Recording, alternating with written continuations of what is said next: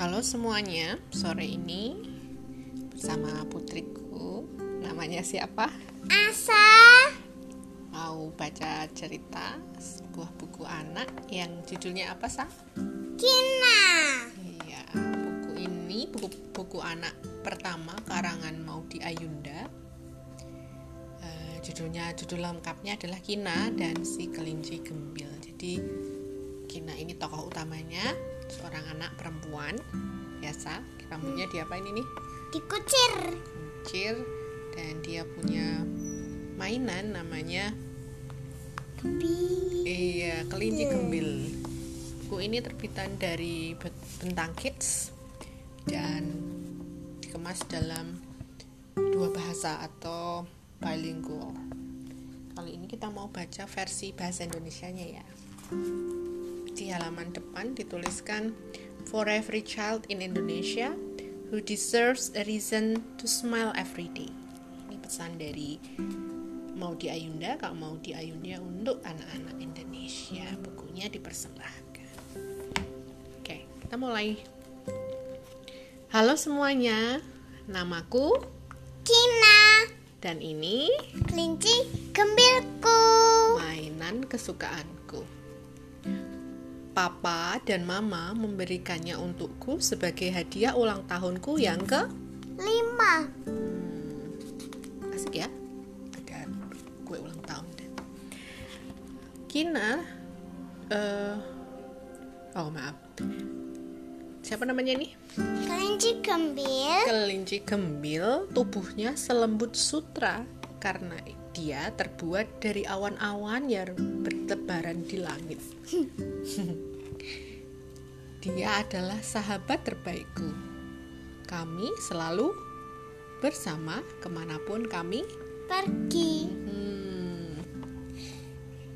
Hmm. Kelinci gembil ikut berbelanja denganku di toko iya di toko, di supermarket. Kelinci gembil menari bersamaku di kelas tari. Dia memainkan piano sementara aku bermain. main gitar Iya, asik ya. Pada malam hari kami memandangi langit dan, dan juga memandangi bintang-bintang dan tidur sambil berpelukan. Nah, suatu hari, aduh, kelinci gembil, kenapa ini? terjepit telinganya iya, terjepit telinganya di kotak mainanku. Aku mencoba menyelamatkannya. Aku menariknya dan terus menariknya. Aduh, apa yang terjadi? Plop. Awan-awan berhamburan dari tubuh kelinci gembil dan telinganya hilang entah ke mana. Kelinci gembil bukan lagi kelinci gembil yang dahulu. Aku kehilangan sahabatku. Gimana nih perasaannya Kina? sedih Sedih ya. Apa yang harus kulakukan sekarang? Dengan siapa nanti aku bermain? Ini, Kina apa ini yang dilakukan Kina? menangis Menangis ya karena sedih. Mungkin aku perlu meminta kelinci baru pada mama dan papa.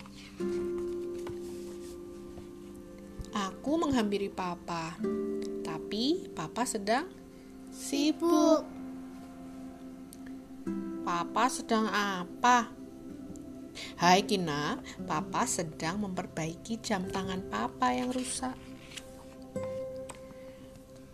Kalau rusak, kenapa papa tidak membeli jam tangan yang baru saja? Karena papa menyukai jam tangan ini dan sesuatu yang rusak bisa diperbaiki. Aku menghampiri mama, tapi mama juga sedang sibuk Mama sedang apa? Hai Kina, Mama sedang memperbaiki kalung Mama yang rusak. Kalau rusak, kenapa Mama tidak membeli kalung yang baru saja? Karena Mama menyukai kalung ini dan sesuatu yang rusak bisa diperbaiki. Hmm, tunggu, tunggu sebentar. Aku menyukai kelinci gembil. Dan sesuatu yang rusak Bisa diperbaiki. bisa diperbaiki. Aku punya ide. Eh, gimana? Kina bilangnya? Aku punya ide. Papa dan Mama bisa membantuku dengan sejumput cinta dan sedikit kreativitas. Tada! Kelinci gembilku telah kembali. Apa yang dilakukan dengan telinganya yang rusak tadi? Dibetulkan dengan telinga yang baru. Telinga yang baru terbuat dari apa? Dari kain Dan